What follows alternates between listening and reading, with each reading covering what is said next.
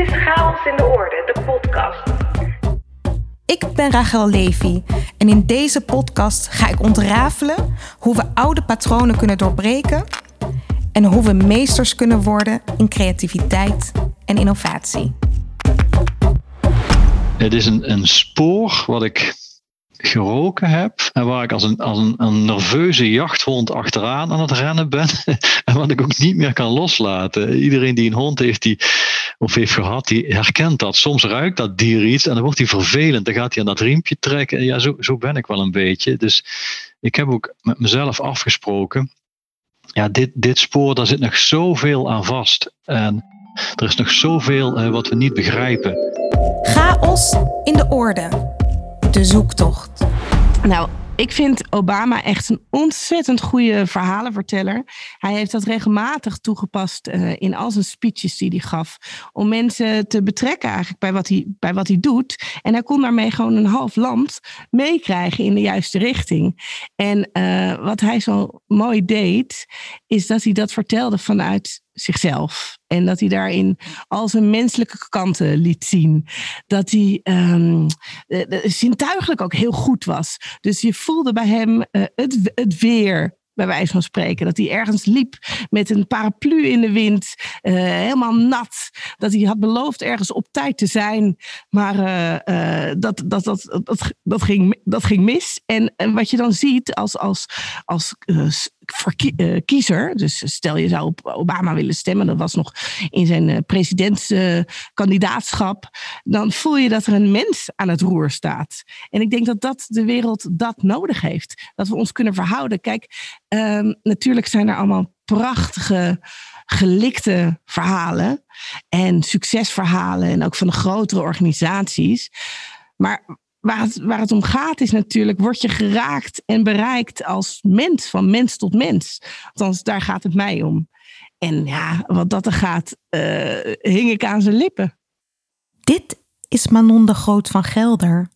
Ze helpt organisaties om connecties te maken. Tussen medewerkers en de missie, tussen medewerkers onderling, tussen de organisatie en klanten want mensen doen graag zaken met mensen, niet zozeer met een bedrijf. En ze gebruikt daarbij verhalen als instrument om zo'n connectie te bereiken. Ze noemde zojuist Obama als ras-echte verhalenverteller. Maar de vader van Manon kon er ook wat van. Het was echt een verhalenverteller in hart en nieren. Hij was ook piloot en omdat hij zo vreselijk goed verhalen kon vertellen, heeft hij eigenhandig de halve familie de luchtvaart ingeluld, werkelijk. dus mijn beide broers, mijn neven, uh, die werkten op een gegeven moment ook allemaal op de luchthaven. Omdat hij zo smeuig en vol detail al zijn bravoure in uh, zijn verhalen kon gieten. Het is eigenlijk jammer dat de luchtvaart nu aan zoveel regeltjes hangt. Want wat hij vertelde, ja, dat, dat, dat kan echt niet meer. Hij heeft een keertje verteld dat hij uh, met een blinde geleidestok in de cabine uh, stond. met een captain's hat op. Um, en uh, dat, dat zagen natuurlijk al die passagiers, die zagen hem, uh, hem dat doen. En die dachten, oh nee, er zit een blinde captain uh, zit achter het stuur. Nou, zo heeft hij vreselijk veel verhalen. En toen is het vuurtje gaan stoken. En ehm, eigenlijk dacht ik, ik moet ook piloot worden. Ik word de eerste vrouwelijke piloot. Dat was, dat was mijn doel. Maar op een gegeven moment had hij mij meegenomen op een airshow. En toen zaten we in een, uh, in een Dakota, zo'n oude DC-3 met van die ronkende motoren. Uh, en het was ontzettend winderig, dus heel erg turbulent. En op een gegeven moment zie ik om mij heen iedereen inclusief mijn beide pilotenbroers, zo'n um, zo, zo, zo, zo, zo'n kotzakje pakken.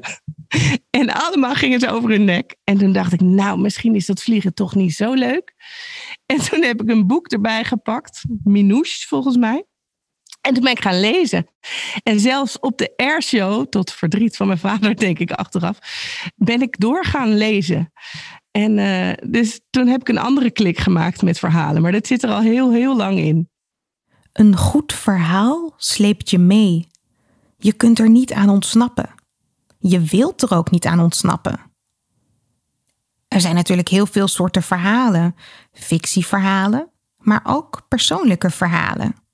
En dat zijn de verhalen waar we in organisaties nog veel meer van mogen horen. En dan niet vergeten dat een verhaal nooit alleen maar rooskleurig is. Een verhaal heeft in principe een begin, een midden een wending en een eind. En het is iets waartoe we ons kunnen verbinden, waar we ons in kunnen herkennen, wat gaat over de menselijke maat. Eigenlijk is een van de belangrijkste dingen van, van een verhaal, wat mij betreft, is het gedeelte wat gaat over, over de worsteling, het midden. Want um, we proberen naar de buitenwereld vaak succesverhalen te vertellen.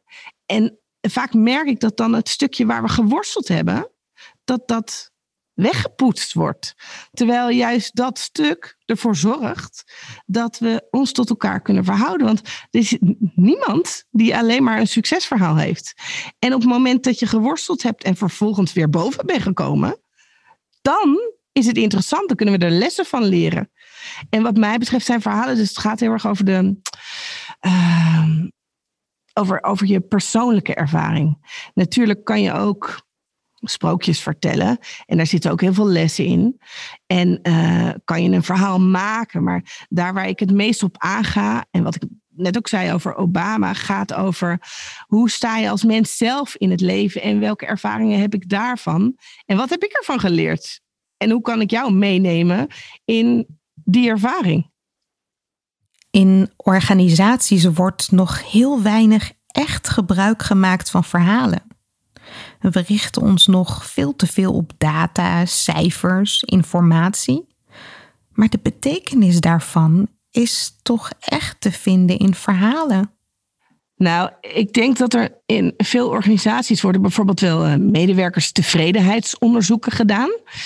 Uh, en wat je daar niet hoort, is eigenlijk wat mensen echt voelen of wat ze echt denken.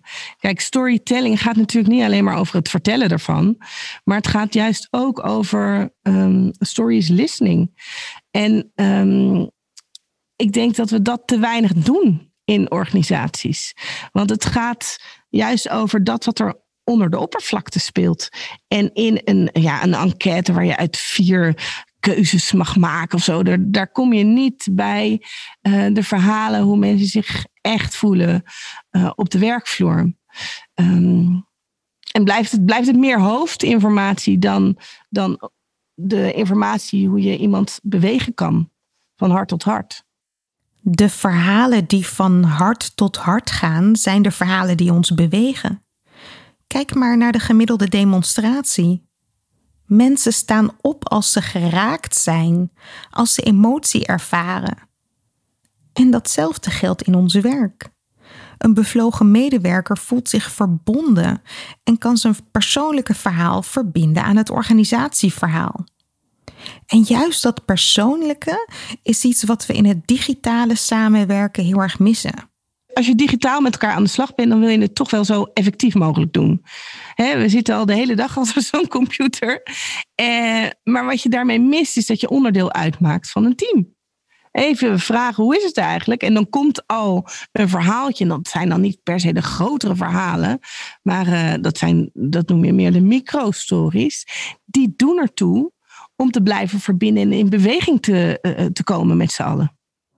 De verhalen in de wandelgangen de momenten bij de koffieautomaat. Eigenlijk worden ze onderschat. Daar worden microstories uitgewisseld. Dat is de beruchte onderstroom. Maar een organisatie kan die microverhalen heel goed gebruiken door er naar te luisteren. Een corporate story of een organisatieverhaal hoeft dan niet zo ver weg te staan van de medewerkers. Stel ik haal een corporate story op dan ga ik eerst langs alle medewerkers van een organisatie, of in ieder geval een, een mooie samenstelling eruit. En daar heb ik een één op één gesprek mee. En die waardes die daar uitkomen, die leg ik dan naast elkaar neer. En daar maak je dan weer een overkoepelend verhaal van. Zodat het echt gedragen wordt door je organisatie. In plaats van wat je veel ziet, van bovenaf een koers bepalen. En dan vervolgens uh, waar medewerkers zich niet in herkennen, bij wijze van spreken. Zo'n corporate story of organisatieverhaal is wel belangrijk. Denk maar aan The Why van Simon Sinek.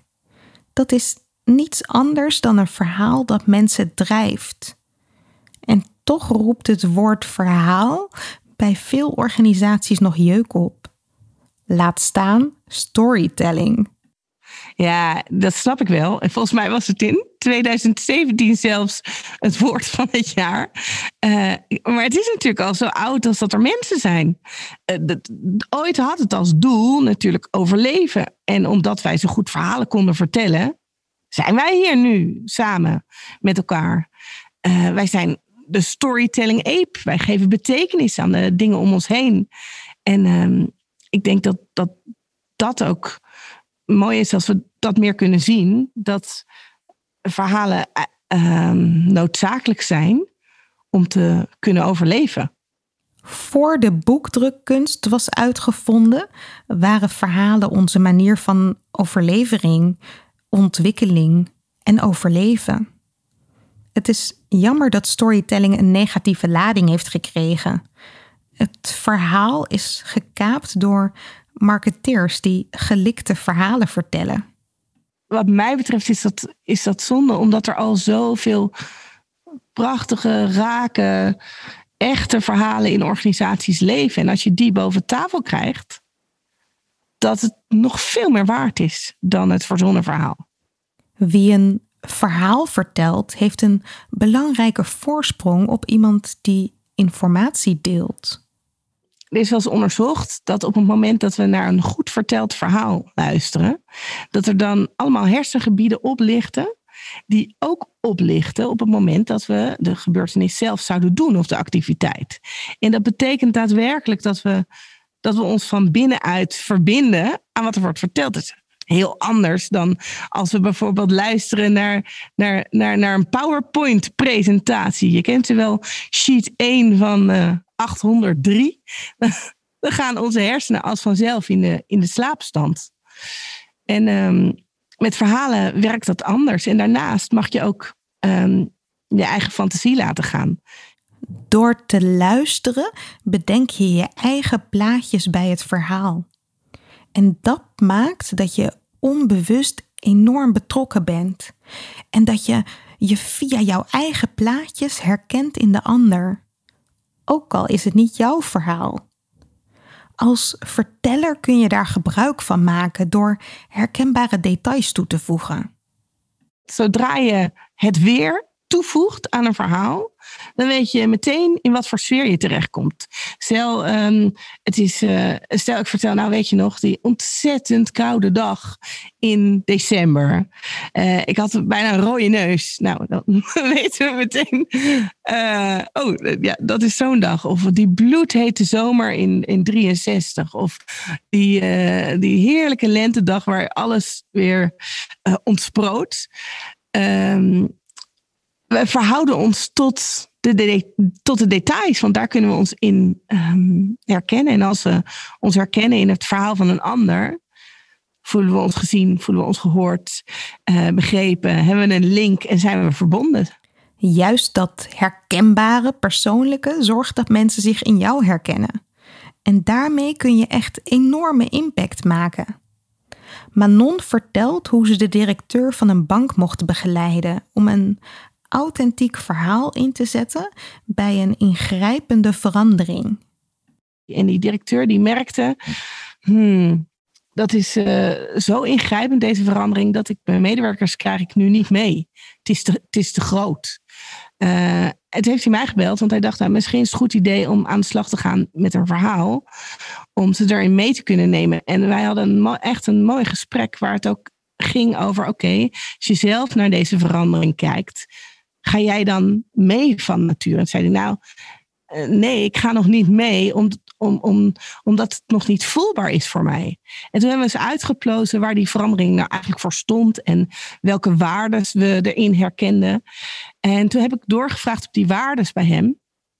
En gevraagd, goh, heb je dan een, een, kan je een moment herinneren voor jou, dat mag in je privéleven zijn, kan ook op je werk zijn, waarin deze waarde heel belangrijk is geweest? Ehm, en daar kwam hij met een aantal prachtige voorbeelden. En ik heb hem ook gevraagd van, goh, kan je nog in jouw leven herinneren een moment waarop je voor uh, een hele belangrijke verandering stond? Um, of dat je met verandering uh, te maken hebt ge gehad. En, en, en dat je daar beter uit bent gekomen. En daar had hij ook echt een ontzettend mooi voorbeeld van, van zijn puberende dochter. En daar hebben we samen een verhaal van gemaakt. Dus hij heeft mij verteld, ik heb dat geschreven. Hij heeft dat weer verbeterd, we hebben het geoefend. En hij heeft dat op een gegeven moment tijdens een grote uh, bijeenkomst verteld aan zijn mensen. Voordat de rest van de bijeenkomst uh, van start ging, ze aan de slag gingen met die verandering. En nou, Obama like goed. En heel die zaal was aan. En iedereen ging aan voor de verandering.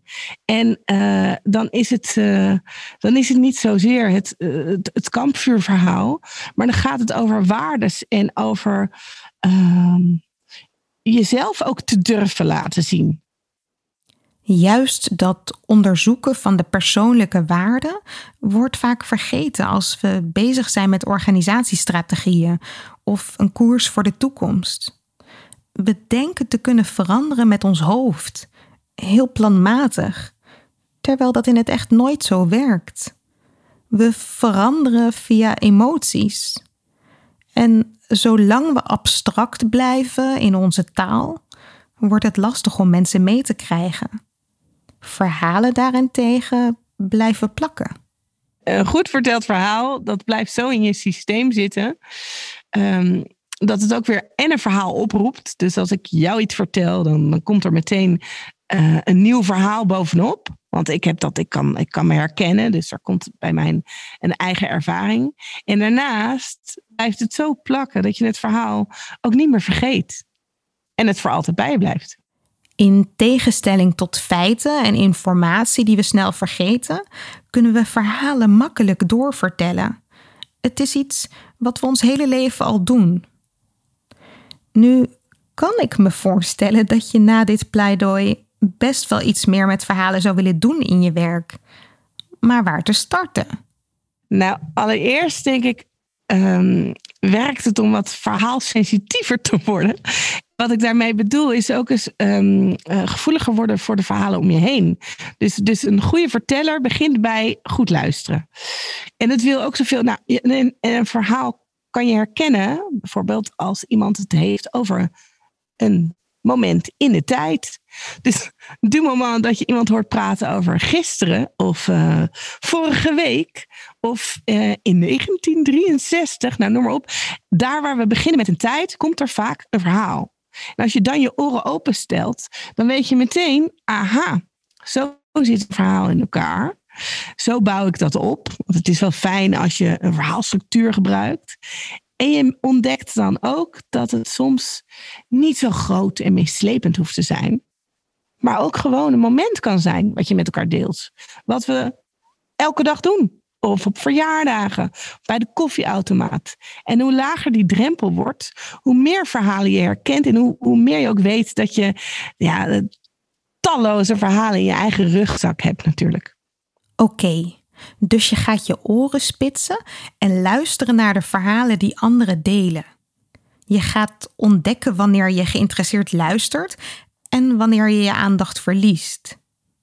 En je gaat opletten welke momenten jij allemaal meemaakt, zodat je ook uit kleine gebeurtenissen interessante verhalen kunt ophalen.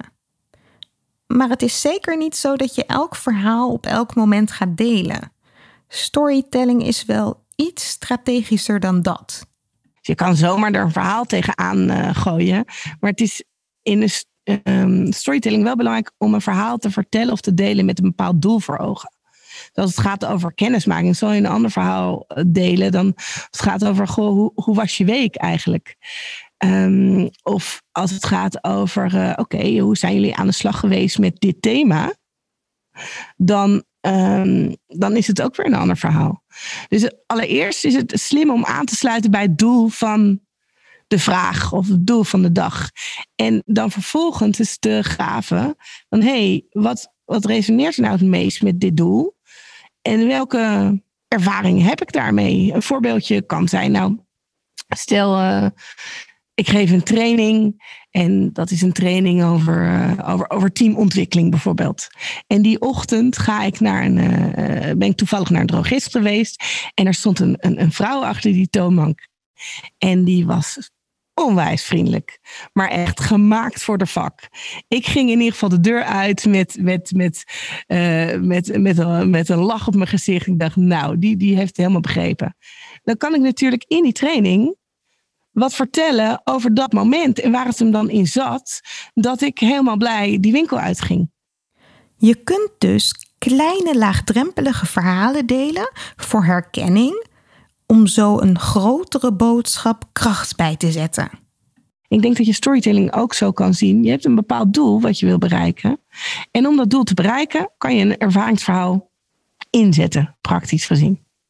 En wat kun je dan doen om van een gewoon verhaal een goed verhaal te maken?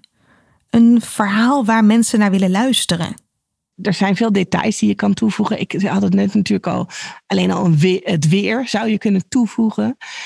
Um, je kan ook kijken of je nog meer zintuigelijke belevenissen kan toevoegen. Bijvoorbeeld het niet alleen maar te hebben over uh, dat wat je ziet, maar ook wat je hebt gehoord in een bepaalde situatie. Of wat, je, wat voor geur er bij je binnenkwam. Of uh, nou ja, bijvoorbeeld bij die drogisterij. Stel dat het daar naar eucalyptus rook. Dan kan je dat al toevoegen toevoegen aan je verhaal. Of je kan wat, wat meer vertellen over, um, over de personages die onderdeel uitmaken van jouw verhaal.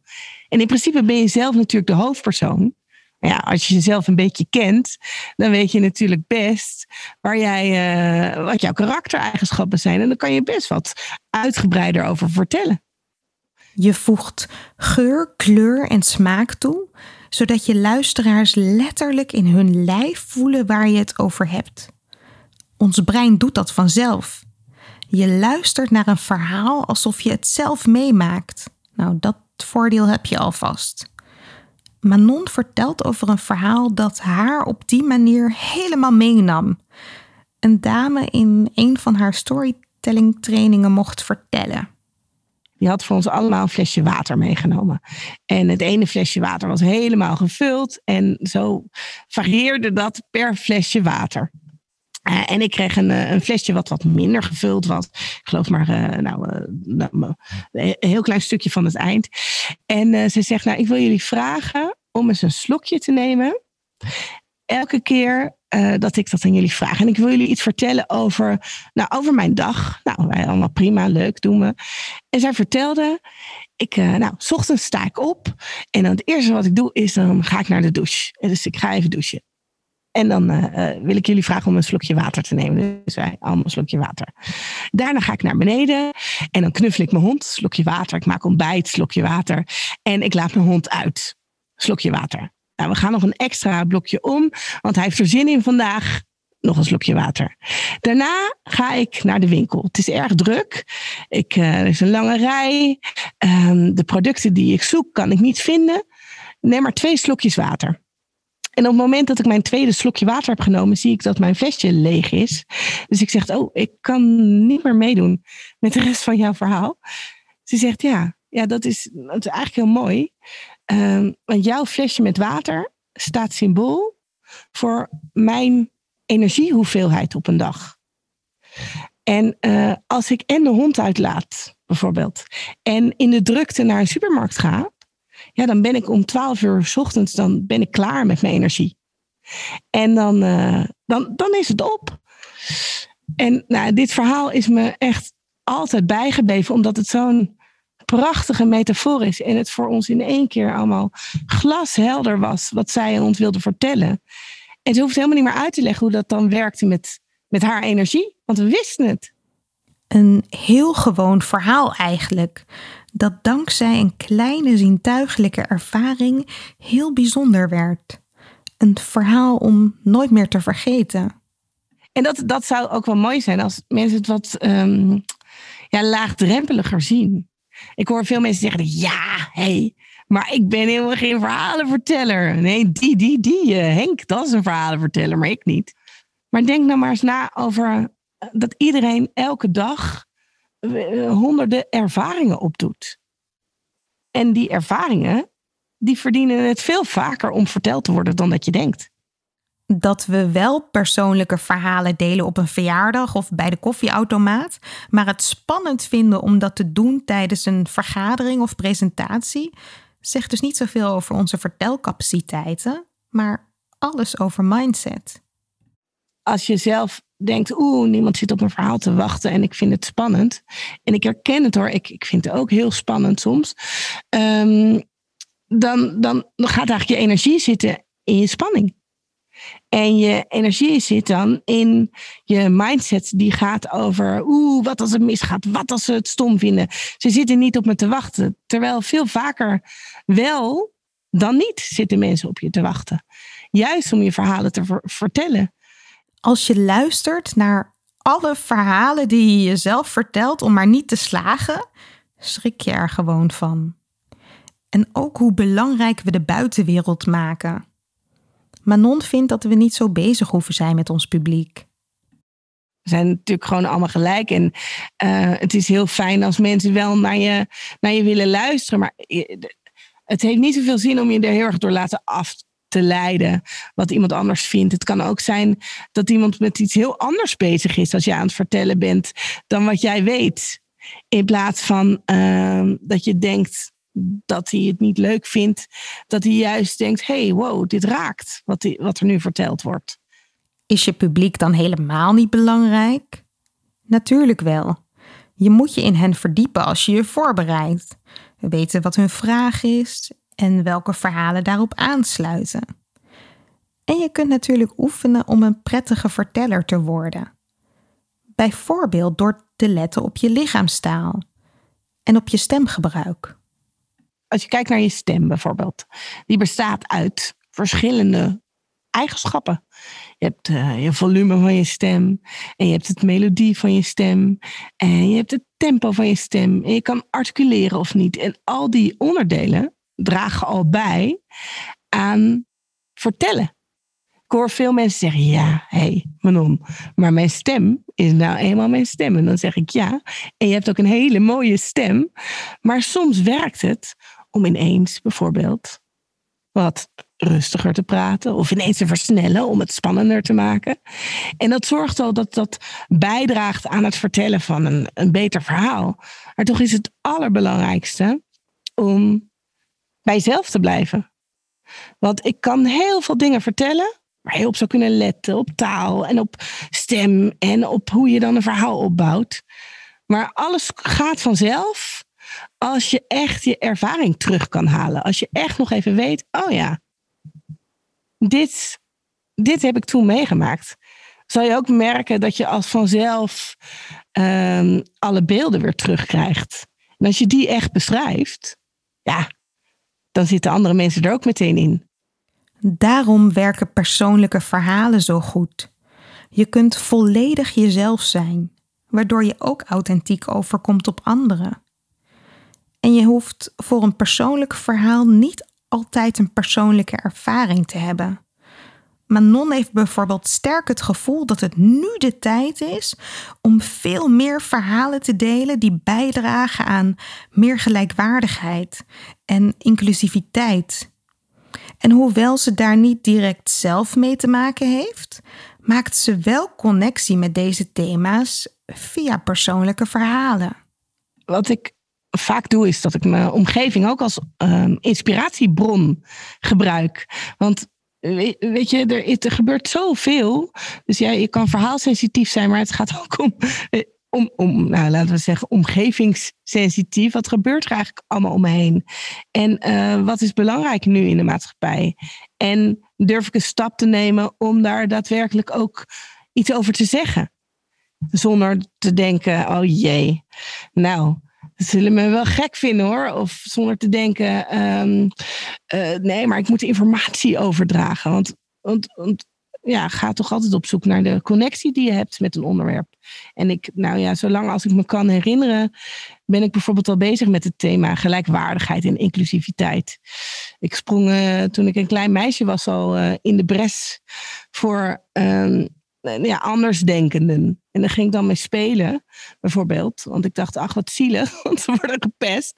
Dan waren die kindjes nog niet eens heel aardig tegen mij. Maar ik vond het zo belangrijk dat ze, eh, dat ze erbij gingen horen. Ik weet nog een keertje, nou, best wel gênant trouwens. Uh, daar was een meisje en ehm, nou, die was heel erg in zichzelf gekeerd. En uh, ik had bedacht, die, die, moet, die, moet, die moet meer open worden. Want dat is voor haar goed en voor de klas goed. En uh, toen ben ik naar haar huis gegaan. En toen heb ik er leren lopen. Wat dan bij de rest paste. Ja, achteraf gezien schaam ik me natuurlijk dood. Maar dat was allemaal vanuit de behoefte om...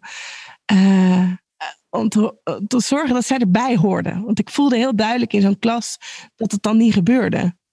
En uh, ik denk dat het nu zeker belangrijk is om de verhalen te vertellen die er toe doen als het gaat over gelijkwaardigheid en inclusiviteit.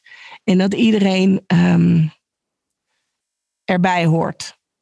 Als jouw organisatie een maatschappelijk thema zoals racisme of duurzaamheid intern wil aankaarten, kunnen jullie intern, maar ook extern op zoek gaan naar persoonlijke verhalen om een voorbeeld te stellen. Een voorbeeld te stellen, ik kan me zo voorstellen in een organisatie die bijvoorbeeld helemaal wit is. Um, ja, dan kan je daar intern verhalen op gaan halen over diversiteit. Dan zit je eigenlijk verkeerd. Want dat is vanuit het witte perspectief. Dus ik kan me goed voorstellen dat je dan op zoek gaat uh, naar andere organisaties die daar meer bedreven in zijn. En vervolgens daar de verhalen haalt om te vertellen hoe het werkt. Of wat, er, uh, wat de worsteling daar is. En wat dan mooi is, als je dat zou kunnen vertellen vanuit um, een ervaringsperspectief. Dus bijvoorbeeld dat je bij een organisatie bent geweest, wat helemaal verduurzaamd is. Um, en wat dat met jou gedaan heeft. En waarvan je dacht, potverdikke me, dit snap ik. En als je dat verhaal weet over te brengen binnen je eigen organisatie, dan zullen mensen het sneller snappen dan wanneer je ineens alle prullenbakken weghaalt, bijvoorbeeld. Hoe groot het thema ook is, je vertelt het dus altijd vanuit een persoonlijk perspectief. En is jouw eigen perspectief niet zo relevant? Ga dan op zoek naar andere perspectieven maar vertel ze wel vanuit jouw persoonlijke ervaring, vanuit een ontmoeting. Misschien kribbelt het inmiddels. Wil je eigenlijk wel gaan oefenen met verhalen? Start dan eens met het prikkelen van je eigen verbeeldingskracht. Manon heeft twee mooie oefeningen voor je die je na deze aflevering meteen kunt gaan doen wat wel leuk is, denk ik, om uh, nu al met verhalen aan de slag te gaan, is, ik had het net over die details en hoe je dingen toevoegt. En bijvoorbeeld ook personages, noem maar. Um, is als je omgeving als inspiratiebron gebruikt. En stel, hè, we zijn nu allemaal aan het wandelen, want we mogen niet andere dingen doen. Toch? Jullie zijn toch allemaal aan het wandelen? Nou goed, stel, we zijn allemaal aan het wandelen en je loopt in het bos. En daar lopen ook allemaal andere mensen laat dan eens je gedachten gaan over, goh, gewoon je fantasie. Goh, waar zou iemand vandaan komen? Hoe, wat voor hobby heeft iemand? Wat voor gezinssamenstelling heeft deze persoon? Eh, wat is de belangrijkste uh, rijkste karaktereigenschappen bijvoorbeeld van deze mens? En als je dat een aantal keren doet, zal je merken dat, dat er personages ontstaan. En dat hoeft helemaal niet waar te zijn. Maar je traint als het ware je eigen fantasie. En je hebt weer het verhaal dat jij in het bos liep en een oefeningetje had gehoord. En daar iets mee uh, uh, hebt gedaan. Um, dus dat is altijd een leuk om mee aan de slag te gaan. Wat ook altijd mooi is om naar te kijken, want, want je kan het over de alledaagse ervaringen hebben. Maar er zijn ook verhalen, en ik noem ze de, de bronverhalen. En dat zijn de verhalen waarna alles anders werd. En die verhalen beginnen meestal in je jeugd, die ervaringen. Zo kan zijn dat er ooit een leraar iets tegen jou gezegd heeft, dat je zo is bijgebleven dat je nooit meer zal vergeten. Bijvoorbeeld. Uh, en daarna was alles anders. Dus het is ook mooi om eens te gaan kijken in je, in je eigen leven. Goh, wat zijn nou eigenlijk mijn bronverhalen? Waarna was alles anders? Nou, ik weet zeker dat er bijvoorbeeld het jaar 2020 een onwaarschijnlijke hoeveelheid aan bronverhalen heeft opgeleverd. Want na 2020 is, is alles anders voor iedereen. Chaos in de orde. De zoektocht. We vormen ons wereldbeeld via verhalen. Als we in ons werk wat vaker kunnen communiceren op een natuurlijke, verhalende manier, in plaats van abstract en afstandelijk, kunnen we zorgen dat onze ideeën veel beter blijven plakken.